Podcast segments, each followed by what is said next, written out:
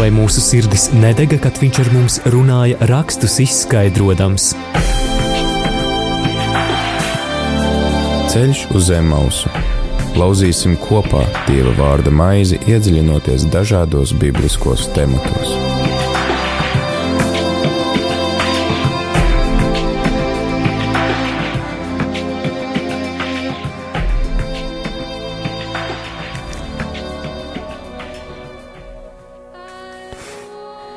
Jā, laiks raidījumam ceļš uz Emaus, un ar tevi, kā jau minēju, esmu ēterais priesteris Pēteris, un šajā stundā tad iepazīsim Dieva vārdu, mēģināsim to labāk saprast un arī saskatīt, kā to pielietot mūsu ikdienā.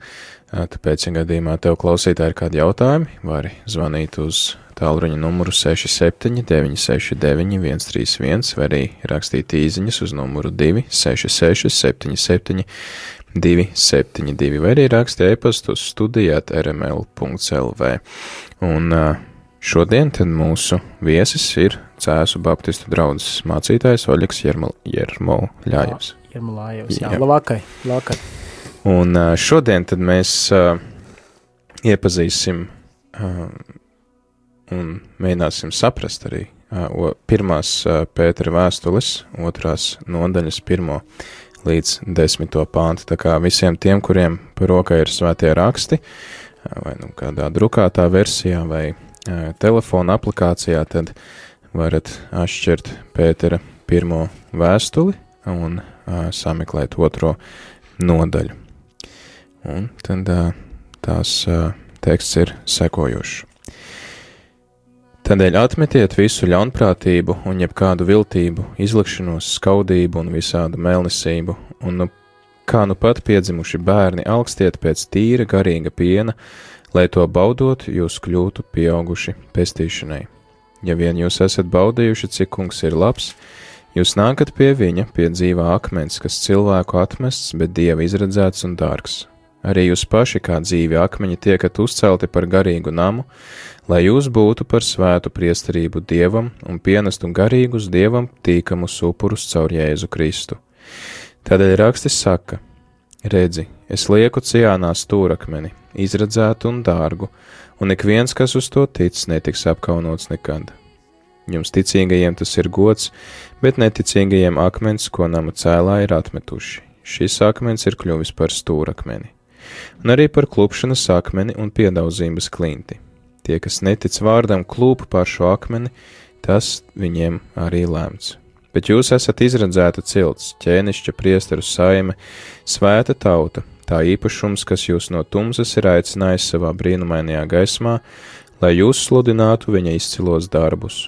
Jūs, kas reiz nebijāt dieva tauta, bet tagad esat dieva tauta, jūs, kas nebijāt apžēloti, tagad esat kļuvuši apžēloti.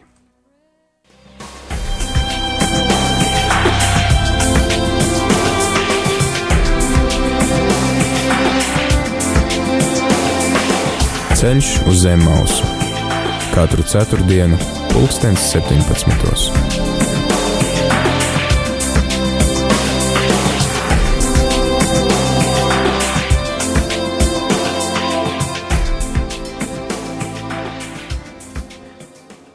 Jā, tad šodien lasām Pētera pirmo vēstuli, otro nodaļu, un tad kopā ar mācītāju Oļegu pārunāsim, kas ir varbūt domāts šajā tekstā un kā mēs šo tekstu arī varam paņemt sev kā tādu ikdienas nu, ceļa maizi mūsu ikdienas gaitās, un ja tev gadījumā klausītāji ir kādi jautājumi, tad atgādini, ka mēs ar prieku arī uz tiem atbildēsim, ja tu zvanīsi uz ētera tālruņa numuru 67969131 vai arī rakstīsi īziņas uz numuru 266 77 272 vai arī raksti e-pastu uz studijāt rml.lv. Uh, jā, tāda diezgan bagāta rakstu vieta. Uh, runa ir gan par barību, gan par bērniem, gan par namu, uh, par uh, upuriem, par akmeņiem, Kā saprast šo raksturvietu? Kas ir tas, ko Pēters vēlas pateikt? Jā, labvakar vēlreiz. jāteic uzreiz, ka šis ir man ļoti personīgi tūs teksts, un uh, tas ietver sevī garīgās dzīves tādu, ja tā var teikt, ceļu. Arī uh, rādījuma nosaukums ir saistīts ar ceļu, un uh, kā lasījām un dzirdējām, tad te ir runa arī par kādu pārtapšanu, par procesu kristīga cilvēka dzīvē. Ļoti daudz akcentu. Viens no tiem arī, ka uh, ticība netiek raksturota tikai kā atsevišķa dzīves, teiksim, cilvēka dzīves nu, teiksim, vienpatība, bet arī tiek skaidri parādīta, ka katra ticīga cilvēka vieta un būtība ir būt par daļu no dieva nama draudzes, tapt tajā iebūvētam, bet arī pirms šīs iebūvēšanas, kas ir kā process, ir arī raksturota dzīve, kāda ir bijusi līdz šim, ka ir kaut kas nesavienojams, ir kaut kas eh, jāatstāj, ir kaut kas jāatmet, un ne daļēji, bet kā ir akcentēts visas kādas lietas, kuras arī šis teksts aicina izvērtēt, saprast, un tas uzrunā tos cilvēkus, kuri ir gatavi. Tad Kādā? uh, Pēters viņš sāk šo tekstu ar to, ka tad, tas pirmais solis ir šo nu, atmetamo lietu uh, uzskaitīšana, ja, tad, tad atmetiet visu ļaunprātību, viltību, izlikšanos, skaudību, mēlnesību, un tad kā nu pat piedzimuši bērni augstiet pēc tīra, garīga piena. Mhm. Jā, tā tad uh, Jā, man... ļaunprātība, viltība, izlikšanās, skaudība, mēlnesība. Piecas lietas. Tās. Jā, nu, es pieņemu, ka Pēterim noteikti būtu vēl ko šeit sacīt, uh, un katrs no šiem vārdiem arī prasīt patiesībā pat veselu uh, nu, raidījumu, raidījumu ciklu. Tas ir tik plašs, bet tas parāda to, ka kristīgā draudzene un kristīga cilvēka dzīvē ir kādas lietas, kurām vienkārši nav vietas. Un, Šis teksts tiešā veidā mūs varētu konfrontēt ar to, ka mēs varam aizbildināties, ka vai nu raksturlietās, vai kādās dzīves lietās, ka nu, mums tā ir un mēs tā kā varam mēģināt apvienot, savienot, pieciest. Šeit nav runa arī par to, ka būtu neiecietīga attieksme pret cilvēku, kurš ar šīm lietām ir cīnījies, bet ir šis aicinājums izteikts, kur ir jāpieņem, un katram ticīgam cilvēkam jāsaprot, ka ir kaut kas, kam pilnībā ir jāpārstāj būt dzīvē. Pāvils līdzīgi par daudzām lietām runā par vecā cilvēka novilkšanu, jaunā cilvēka uzvilk, uzvilkšanu. Man šeit uzrunā šis vārds visu. Tas tiešām arī uzliek to augsto standarti, jeb mērķi, jeb to tiekšanos, arī ļaunprātība, ja šo vārdu paņemam atsevišķi, tad uh, arī šajā ir ielikts viss tas, ko kungs Kristus ir mācījis par neatmaksāšanu, ka nav ne, arī Pāvils raksta, lai mēs neatmaksājam ļaunu, labu ar ļaunu, bet lai mēs esam uh, tādi, kur vienmēr domājam un labāko un tiecamies uz labāko, ka nav nekādu nodomu darīt lietas, kas var kaitēt kādam cilvēkam vai vai jebkam citam. Tā kā ticīgs cilvēks šajā tekstā ir aicināts būt par tādu, kurš visā savā būtībā ir labestības pilns, kā nākamais visu viltu, nevis daļai, tad, tad uh, kristīgi cilvēka dzīve nav iedomājama ar viltīgām lietām, kurās ir kaut kas nepateikts. Viņš ir vaļsirdīgs, savējo vidu atklāts, patiess, uh, īsts tajā, jāteic, ja, mēs, ja es tāds esmu, man šis teksts tieši tāpēc uzrunā, ka es vēl esmu ceļā un laikam vienmēr būšu, un tas man parāda to, vienmēr acu priekšā liek atcerēties, ka manā dzīvē nav šādām viet, lietām vietas, arī liekulība, ka šis vārds arī parāda to, ka bieži vien jau arī mēs varam kā cilvēki parādīt kaut ko, kas mēs neesam.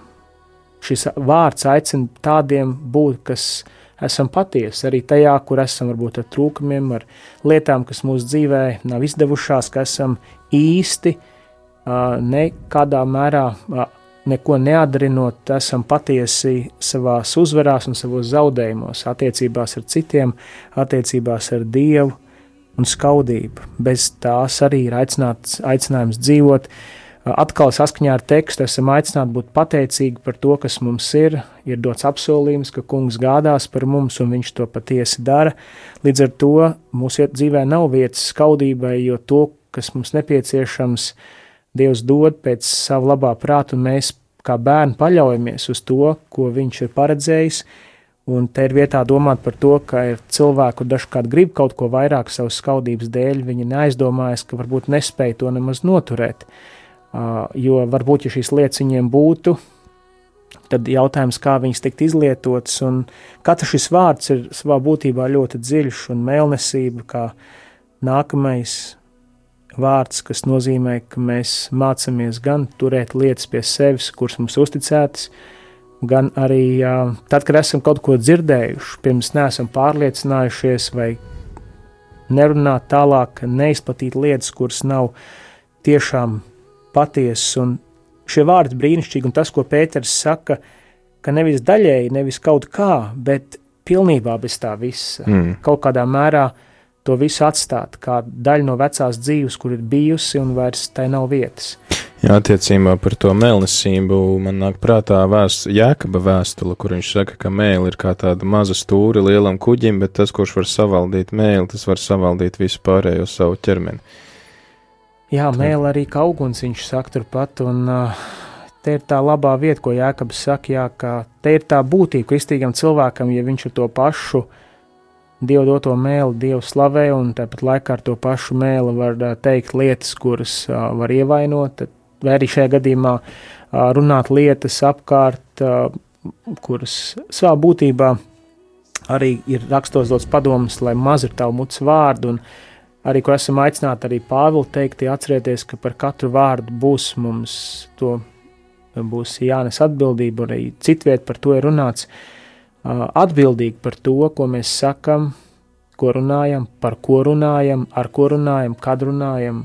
Tas savā būtībā atkal liecina, ka kristīga cilvēka dzīve ir atbildīga un viņš vai viņa dzīvo savādāk. Un šajā tekstā tālāk ir šie vārdi, ka ir kaut kas, kas ir jāatmet, un kaut kas, kas ir jākāro. Tā vietā tur nav tā, ka cilvēks kaut ko pazaudē, bet tā vietā Dievs dod kaut ko vairāk, kaut ko brīnišķīgāku, kas piepilda. Ja šīs lietas iztukšo pašu cilvēku un ievaino citus un pašu, tad ir kaut kas tā vietā, kas cilvēku piepilda, uzceļ, nāk viņa dzīvē par svētību, un tālāk ir kāds celšanas, tapšanas process, par ko Pēters runā. Uh, Vēl, vēl par tām lietām, kas ir jāatmet, var, var saprast, tad, nu, es domāju, jebkurš piekritīs, ka diezgan ērtāk tā dzīve ir, ja mēs atmetam ļaunprātību un izlikšanos, ja visi esam tādi patiesi, un, nu, skaudība arī nekad nav bijusi tāda ērta gan tam, kurš skauž, gan kuram skauž, un tomēr, tāpat arī tā melnesība, man jautājums par to viltību, jo, nu, nereti nu, vismaz latviešu valodā mēs ar viltību arī saprotam nu, tādu gudrību, ka nu, ir kaut kādas situācijas, kur uh, nu, tu rīkojies viltīgi, lai, es nezinu, piemēram, pirmkristiešu laikā, ja, ja tev lūdzu tur nodot. Nu, bija jā. visādas, nu, tādas viltības, jā, nu, lai nenodotu tos pārējos, nu, teiksim tā, nu, labi, mēs varētu teikt, nu, tādi gudri gājieni, jā, bet jā. kur ir, kur ir tā robeža, jo, jo Jēzus arī saka, uh, vienkārši kā baloži un, nu, viltīgi vai gudri kā čūskas, jā. Mm bez viltus. Un es domāju, ka šajā gadījumā tas ir mans domas, ka, ja runa ir par ikdienas saskarsmi ar citiem cilvēkiem, kur ar to viltību es saprastu tā vispirms, ka tu radi cilvēkam, ja dod kaut kādu nodomu, ko tu viņam saki, ko tu vēlēsies sasniegt, pateikt, atrisināt vai kopā darīt dažādos kontekstos. Dod viņam vienu veidu, tādu saprāšanu par to, ko tu darīsi, vai tu gribētu, bet patiesībā tev ir citi nodomi, kas nav atklāti, kur tas otrs cilvēks var kļūt par daļu no taviem plāniem, līdz ar to arī viņam cieņa tiek laupīta. Līdz ar to šo vārdu viltu es saprastu, ka būt atklātam pret otru cilvēku, godīgam pilnībā, un tur ir savu patiesībā vērtību, jo tiklīdz tu esi atklāts un godīgs arī kaut kādos dažkārt cilvēku viltībā kaut ko nepasaka, noklusē sev neērts, ja teiksim, kaut kādas detaļas un cenšas kaut kādu lietu sakārtot savuprāt. Bet es teiktu, ka šeit tā robeža ir tajā, kur uh, saskarsmē ar citiem rīkoties tā, lai otrs vienā vai citā brīdī nenonāk pie kādas, uh, nu, pie kāda garīga vai prakt, nu, jā, garīga ievainojuma mūsu kaut kādas rīcības dēļ, kur dažkārt, nu, teiksim, bērniem, kur skolā ar viņiem es strādāju, kristīgajā mācības kontekstā runājam par to, ka bērniem bieži vien tā draudzība veidojās, ja viņi domā, ka to draudzību var kaut kādā mērā uh, nopirkt caur lietām, caur kaut kādām lietām, un saka, es tev tagad, tu man izdarīsi to, es tev būšu draugs, un otrs cenšas to kaut kā arī uh, paņemt un to dzīvot, bet es gribētu teikt tā, šeit ir katram jau arī tā, vil, tā, tā saprašana, priekš manis es to paņemu tā, kā es teicu. Nevienam cilvēkam attiecībās ar ikvienu cilvēku būt atklātam tik tālu, cik tas skar to, teiksim, to saskarsmes lauku un, un jomu vai, vai kontekstu, neatstāt neko, kas to konkrēto situāciju attiecās nepateikt. Pateikt visu, godīgi, atklāti, bez, nu, te var runāt arī par manipulāciju, kur dažkārt ar viltu tu gribi sasniegt savus mērķus, un cilvēks līdzās ir tev līdzeklis. Bet, ja šo vārdu paņem no tās otras puses, ko Pēters aicina tā vietā darīt, tad viņš aicina cienīt līdzcilvēku, un izturēties pret viņu ļoti patiesi. Un, protams, ka vārds viltīgs var būt arī dažādos kontekstos. Es šeit paņēmu tīri in, in, individuālā teiksim, cilvēku savstarpējā saskarsmē, kas ir mūsu ikdienas lielākā, un katrs jau mums arī vai savā darba dzīvē, vai, vai kādā citā kontekstā, vai arī, piemēram, ar viltu gadījumu tādu, ka cilvēks zina, ka var dabūt sev kaut kādu labumu, kaut kur vārdam vilti ir vēl kāds vārds, varbūt meli, kur klāt nāk, kur cilvēks kaut ko dara, ar, un nekad ļaun, ļaunas lietas nekad nestāv vienas. Tā kā Pēters saka, mēs neko nedrīkstam tādā veidā risināt. Jā, tad, tad mums ir piecas lietas, kas mums ir jāatmet - ļaunprātība, viltība, izlikšanās, skaudība un uh, mēlnesība. Uh, visa ļaunprātība, visa viltība, visa izlikšanās, visa skaudība un visa mēlnesība.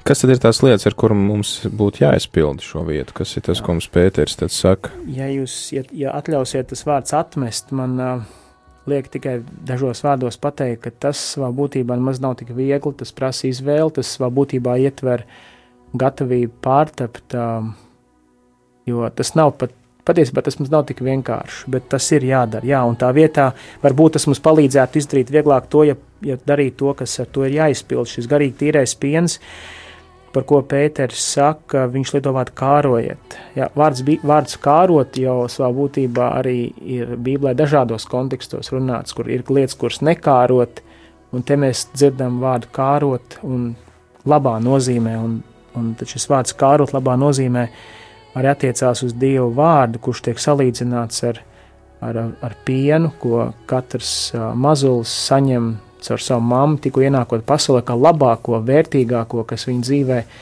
var būt kā, kā uzturs. Un tā arī ticīgam cilvēkam ir jātiecās pēc tā labākā, kas viņam palīdz garīgi augt. Un labāk... Tā arī tieši teica, lai to baudot, jūs kļūtu pieauguši pestīšanai. Jā, tad savā būtībā šī augšana līdzīgi Pēters paņem šo uh, vienkāršo visiem saprotamo īstenību no cilvēka dzīves. Un, um, protams, ka var dot citu barību, aizstāt ar kaut kādiem pakaļdarinājumiem, bet te ir tas, ko arī mums visiem klausoties, domājot, tas ir jāapzinās, ka tas, kas nāk no paša kunga, viņa dots, viņa teikts, viņa atstāts mums, ir, ir tas, ar ko dzīvot. Jo tā patiesība jau ir tajā, ka mēs visi jau ne tikai dzīvojam no maizes, un to kungs atgādina, to arī vecajā derībā lasām, mēs dzīvojam no tā, ko Dievs mums pasniedz. Šī vārda visīstākajā nozīmē, un lūk, pēc tā arī kārot, ja mēs vēlamies šo vārdu, ja vēlamies dzīvot šī vārda īstākajā nozīmē, tad,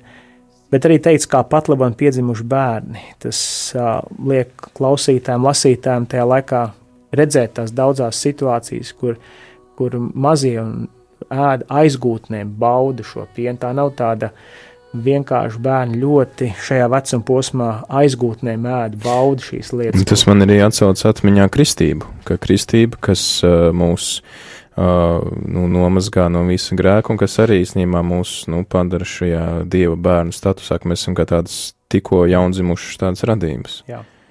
Šis jaunais sākums, tad, kuru mēs esam aicināti uzturēt ar šo garīgo pienu un arī aicināt uz izaugsmu. Man liekas, tas tā baigi būtiski ir, ka viens ir jā, nu, kristība un, un tas, ka es esmu pievērsies Dievam, bet nu, tā izaugsme prasa šo ikdienas piepūli, ikdienas darbu. Tas, ko tu minēji par to atmešanu, ka tas tāds ilgstošs process ir.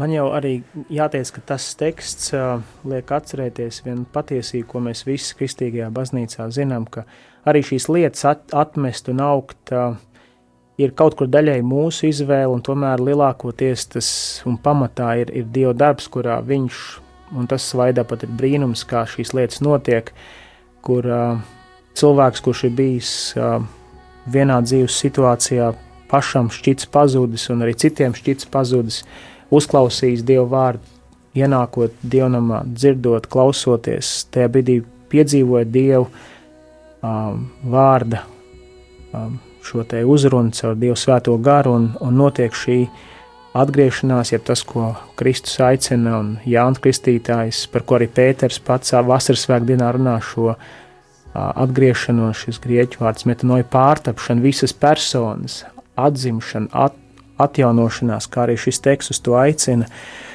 Un te ir vieta atcerēties, ka jā, mēs ar savu spēku varam kaut ko mēģināt darīt, bet te ir tas, ka manā skatījumā Pēters runā par kādu kvalitatīvu, kvalitātes būtības pārtapšanu, kur ne, ne tikai uzvedības pārmaiņa, bet visas šī tieksmes tiek dotas jaunas tā vietā, kas ir dabīgas kristīgam cilvēkam, un to var liecināt tik viens, kā jūs minējāt, piedzīvot Kristus vajadzībā ir lietas, kuras vienkārši tu ieraugi ar lielu prieku, tu sāc tās darīt un būt draudzē, būt tur, kur ir nepieciešama kalpošana citiem. Cilvēks tiek iebūvēts Dieva namā, ja tā var teikt, kā arī Pēters šeit saka, un ir daļa no šī Dieva nama, un ar to kā daļa tu nevari arī pastāvēt atraut no citiem, bet kopā ar citiem veikt šīs funkcijas kopā, un uh, Jā, tātad, tātad viens ir šī mana personīgā izaugsme un uh, personīga attīrīšanās no ļaunuma, bet tā ir arī sociāls raksturs, un tas, ko arī jau Oļeks jau sāka runāt par uh, šo garīgo namu, ka mēs visi esam nu, daļa no viena dieva nama. Apostols Pāvils lietos salīdzinājumu par vienu ķermeni, vienu miesu, bet es domāju, ka par to mums ir jāparunā pēc dziesmas. Tagad dosim vārdu Lībai Ecē Kalniņai ir dziesma tavs vārds. my name.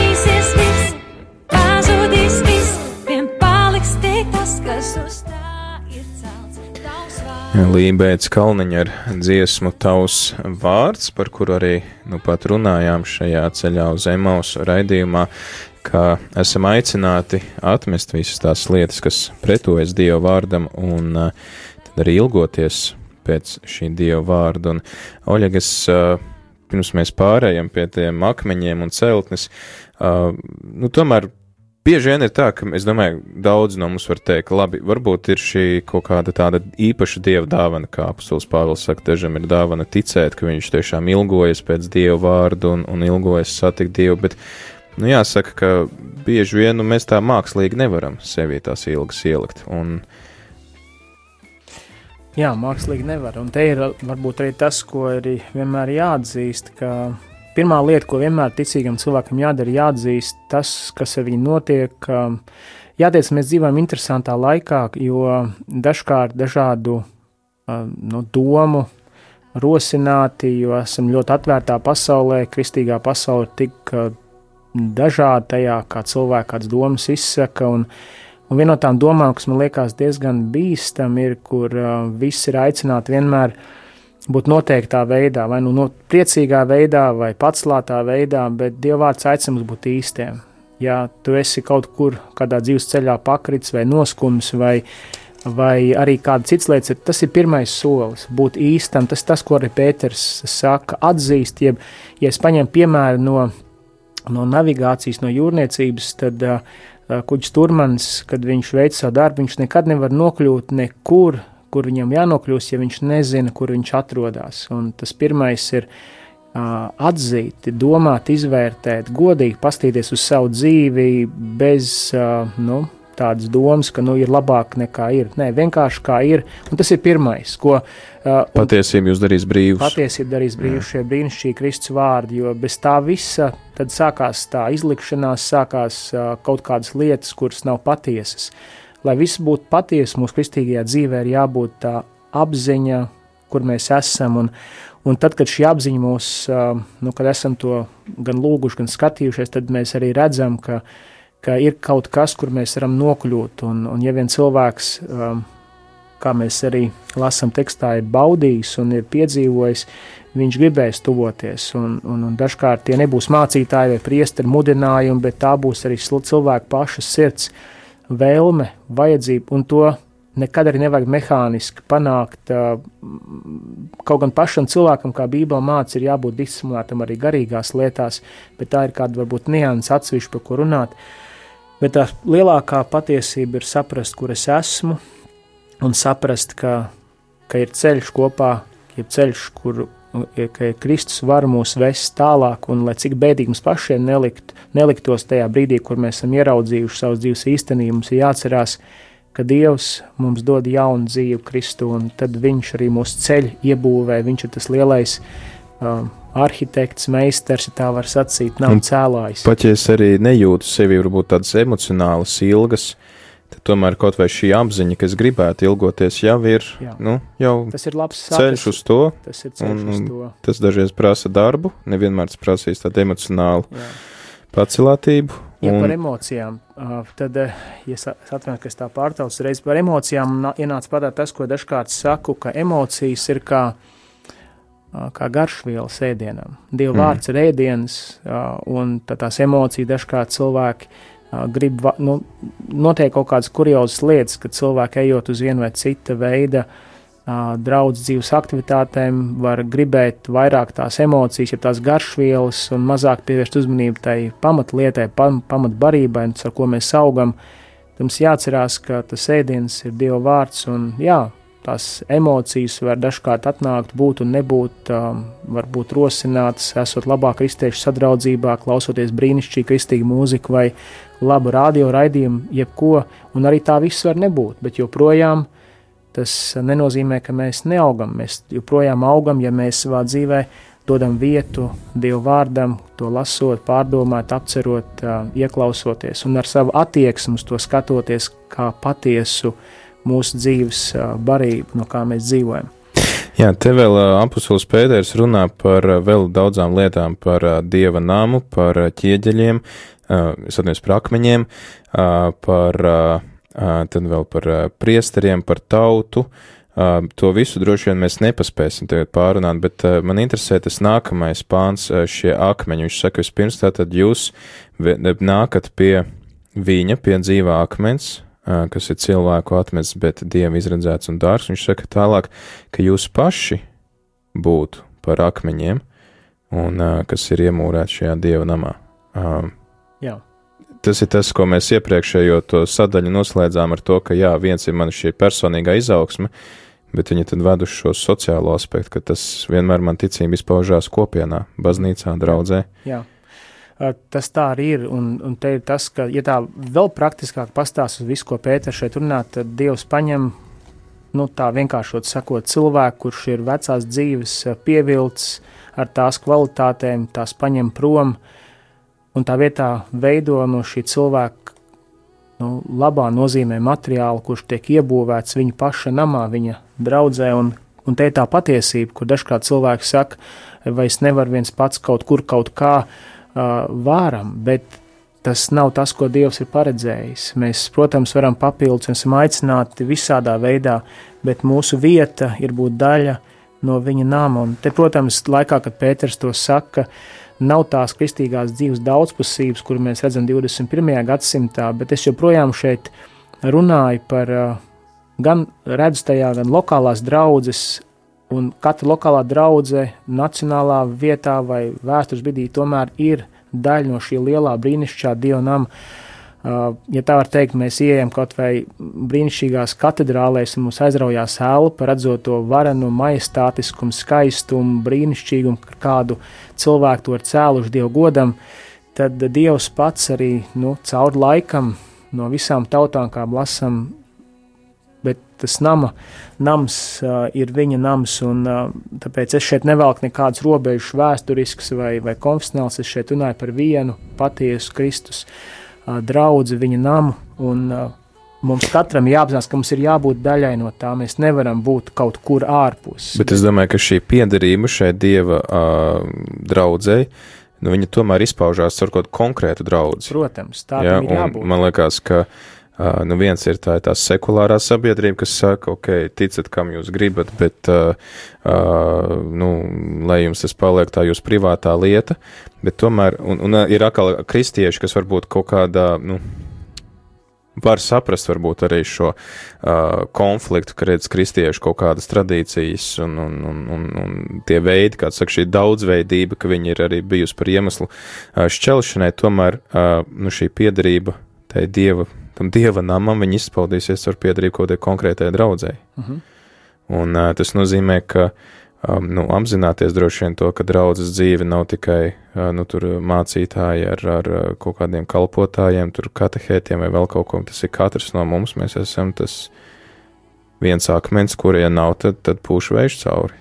Tieši tā, mēs esam daļa no šī, un te tā arī patiesība, jā, Pēters nav par priestrī, kur mēs viens otram, nu, tīri kā materiālu, atkal, ja ņemam to piemēru, kā Pēters saka, kas atbalsta ir saistībā, cits ar citu, tā arī mēs ar savu kristīgo dzīvi jau iedrošinām citus. Mēs veicam to, ko Pēters šeit saka, mēs atbalstam un arī, piemēram, domājot par tādām lietām, ko es ikdienā daru, piemēram, kaut vai sports, par ko es domāju, ka es kādreiz man, kad man patīk skriet kādus krosus, tad, kad es skrienu viens, ir zināms ātrums, bet kad es skrienu kopā ar citiem, ir tā, ka vienam skrejējam nekad neskrien tik ātri, cik es skrienu to sasniedz darot ar citiem kopā. Es nezinu, Jo kā tev ir nevar citi, kas tevi motivē. Jā, nu, es, nezinu, domā. jā, es nespēju izskaidrot, bet es skrienu daudz ātrāk kopā ar citiem. Arī baznīcā, draudzē esot, es daudz labāk, un to, to es arī parasti iesaku kādiem, kuri cīnās ar kādām lietām no tās vecās dzīves. Viņam saka, nepaliec viens, nepaliec malā. Es mm. tur, kur Dieva vārds tiek teikts, kur ir citi kristīgi cilvēki, kas tāpat tic un mīl to kungu, tas ir tas atbalsts, kur, bez kur mēs nevaram. Un mēs, Kā jau es saku, kur divi vai trīs, Jā. tur es esmu viņiem. Lūk, tā tas, jā, šis teksts, tāpēc man liekas ļoti brīnišķīgs, jo viņš uh, atbruņo katru vēlmi kādam sacīt, ka, nu, es varu, protams, ka mēs varam iet un domāt, pārdomāt un lasīt, bet, tas parāda to vecās dzīves aiziešanu, mūsu tiekšanos pēc Dieva caur viņu vārdu, un tālāk viņa darbu pie mums, kur mēs tiekam veidot. Un jāteic, vēl šis teksts tieši par to nepasaka, bet uh, katram akmenim ir sava noteikta vieta, un katram materiālam ir sava noteikta vieta. Tāpat arī jau, kā Pāvils runāja, jūs arī pieminējāt par, par, par šo Pāvilu doto salīdzinājumu ar ķermeni, kur arī Dievs ir paredzējis. Viņš ir redzējis, un tā mūsu vieta ir, ir, ir Dieva paredzēta, un mums arī jāmācās pateikties un brīnišķīgi kalpot tur, kur mēs esam, jo viņam tas ir svarīgi, un tāpēc arī tajā un mēs tiekam aicināti rast mieru, nekad neskatīties, jo, ja mēs runājam par vecām lietām, dažkārt cilvēki var skaust ā, tādā veidā, garīgā veidā, ka gribot būt kaut kur citur, kur kāds cits cilvēks ir aicināts būt.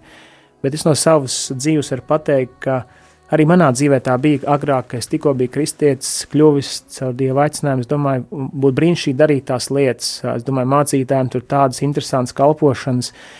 Šobrīd pēc uh, daudziem gadiem mācītāju kalpošanā es varu teikt, ka, ka tomēr, ja es toreiz skatījos sarāk, ja es būtu zinājis toreiz to, ko es zinu šodien, nu jā, tas, tas, tas, tā, tā ir tā pieredze, kur es toreiz nevarēju zināt. Tāpēc, ja Dievs ir aicinājis darīt, un Viņš uztic mums to, ko mēs varam izdarīt, un tajā mērā, un Bībeles saka, kur mēs esam uzticami, tā galvenā prasība ir uzticamība no namturiem, kā arī tiek tekstā, kur Pāvils saka, atcitēt tesloņķiešiem par to runā.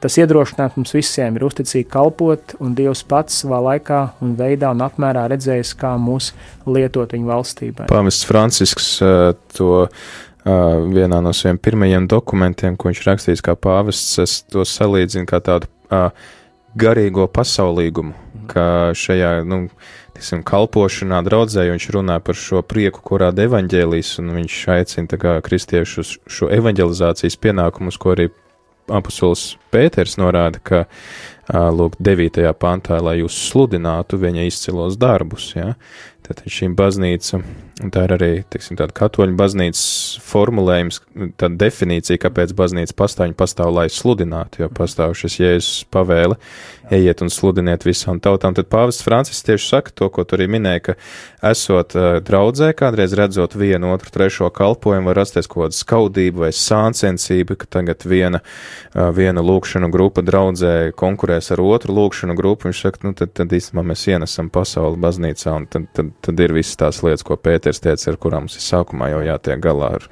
mēlnesību, skaudību, ļaunprātību, viltību. To, to mēs tagad ienesam iekšā tajā dieva namā.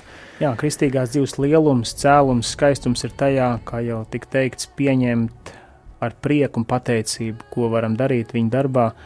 Un uh, tas mūs arī atbrīvo.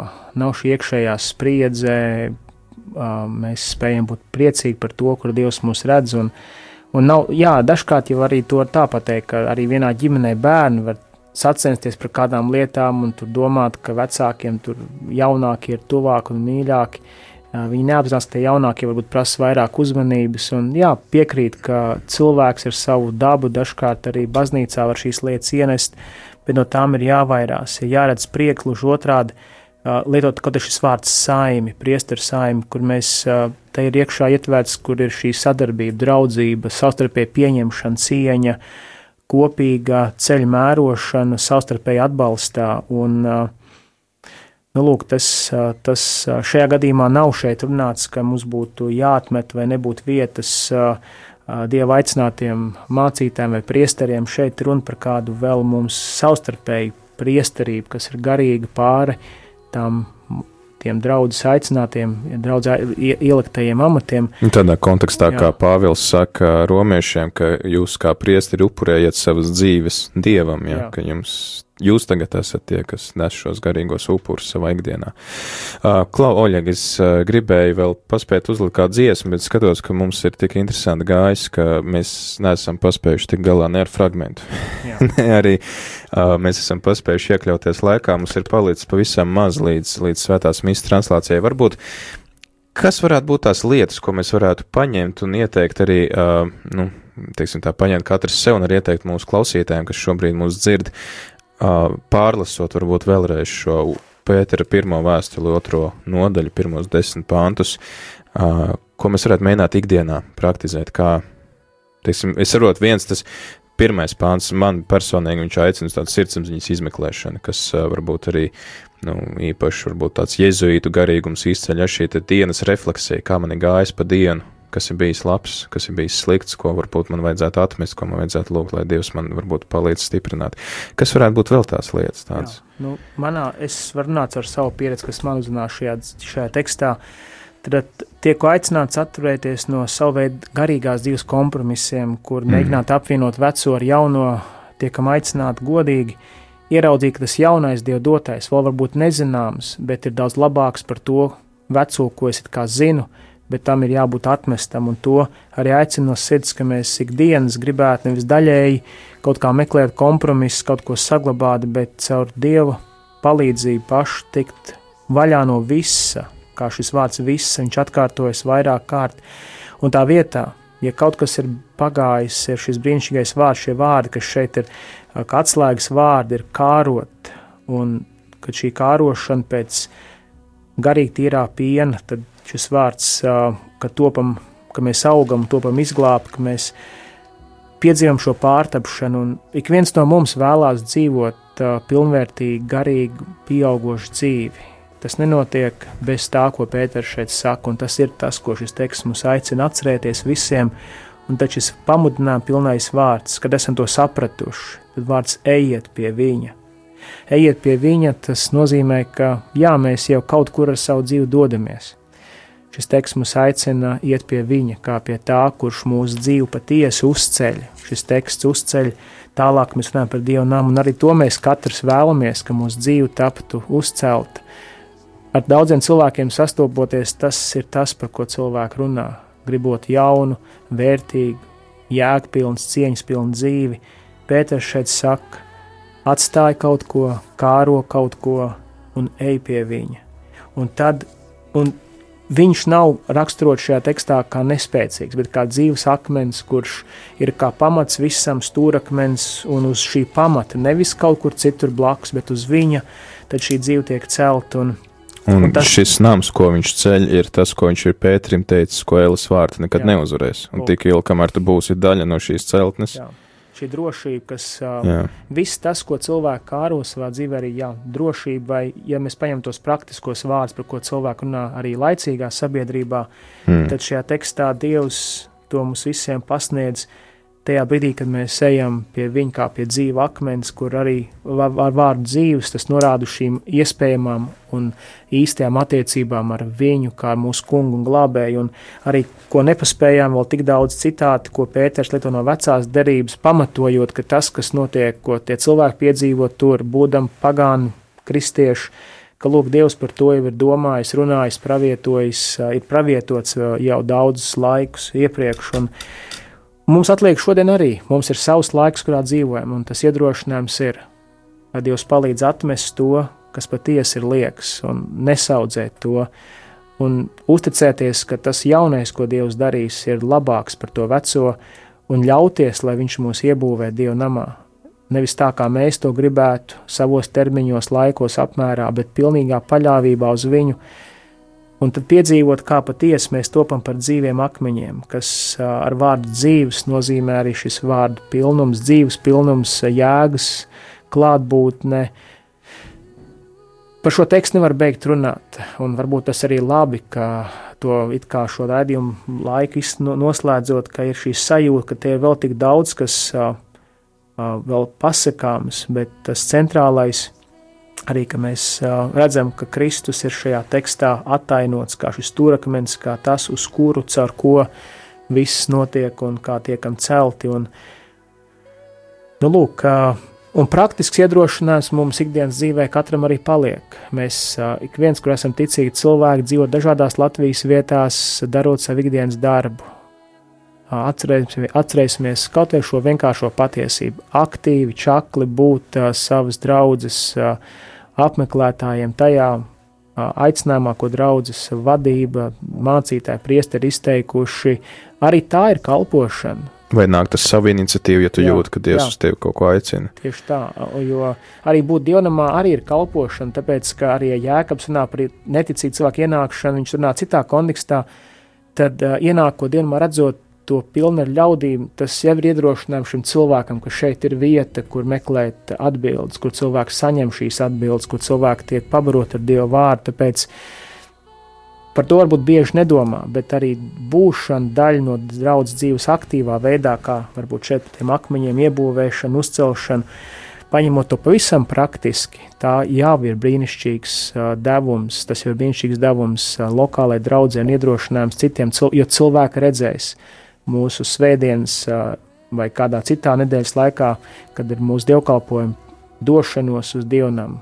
Tas daudz ko jau liecinās mūsu sabiedrībā. Man, starp citu, nu, arī ir uh, sirdī tūs tas tavs salīdzinājums, ko tu sākumā minēji par skriešanu.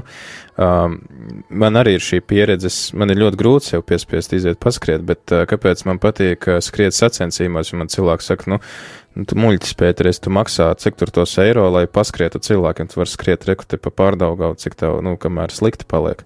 Bet uh, te ir arī, man liekas, un to var arī salīdzināt to, ko tu teici, ka kaut vai aiziet uz dievkalpojumu savā draudzē jau ir šī garīgā kalpošana otram, jo skrienot tajās sacensībās tiešām tu neskrien par vietu.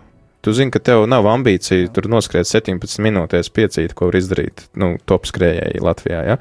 Bet uh, tu, vai pat ātrāk, bet skrienot tajā savā tempā, ar visiem tiem cilvēkiem, kas tev ir apkārt, tu saproti, ka viņi tevi nes uz priekšu.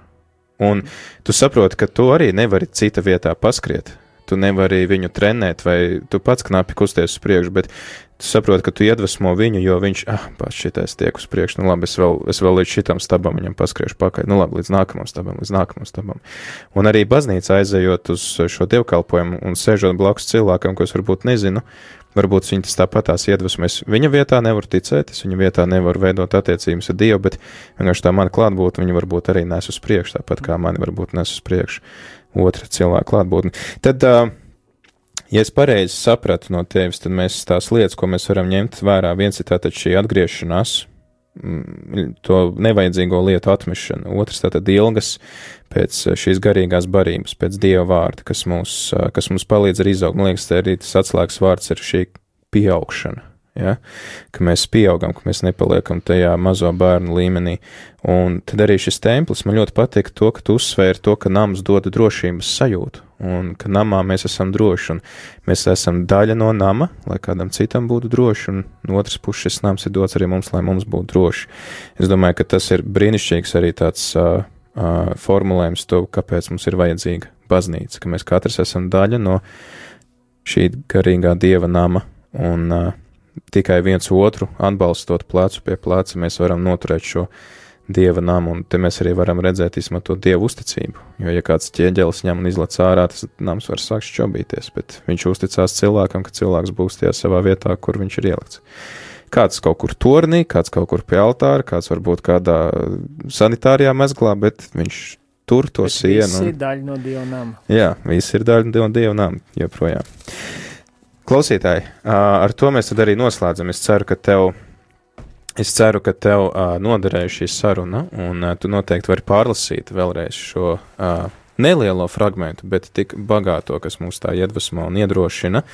Ā, Ar mums kopā arī bija ā, Cēsu draugs mācītājs Oļegs Jermulājevs. Paldies arī, ka atrada laiku būt kopā ar mums un ne pirmo, pēdē, ne pirmo reizi, un es ceru, ka arī ne pēdējo reizi mēs varēsim šeit dalīties ar Dievu vārdu. Tagad tad laiks noslēgt raidījumu klausītāji. Pēc uh, raidījuma jingla noklausīsimies Lienas drauniecas dziesmu templis, kas tik ļoti atbilst šīs dienas mūsu tematam, un tad jau arī uh, tūdaļ jau sāksies mīsa pulkstens sešos.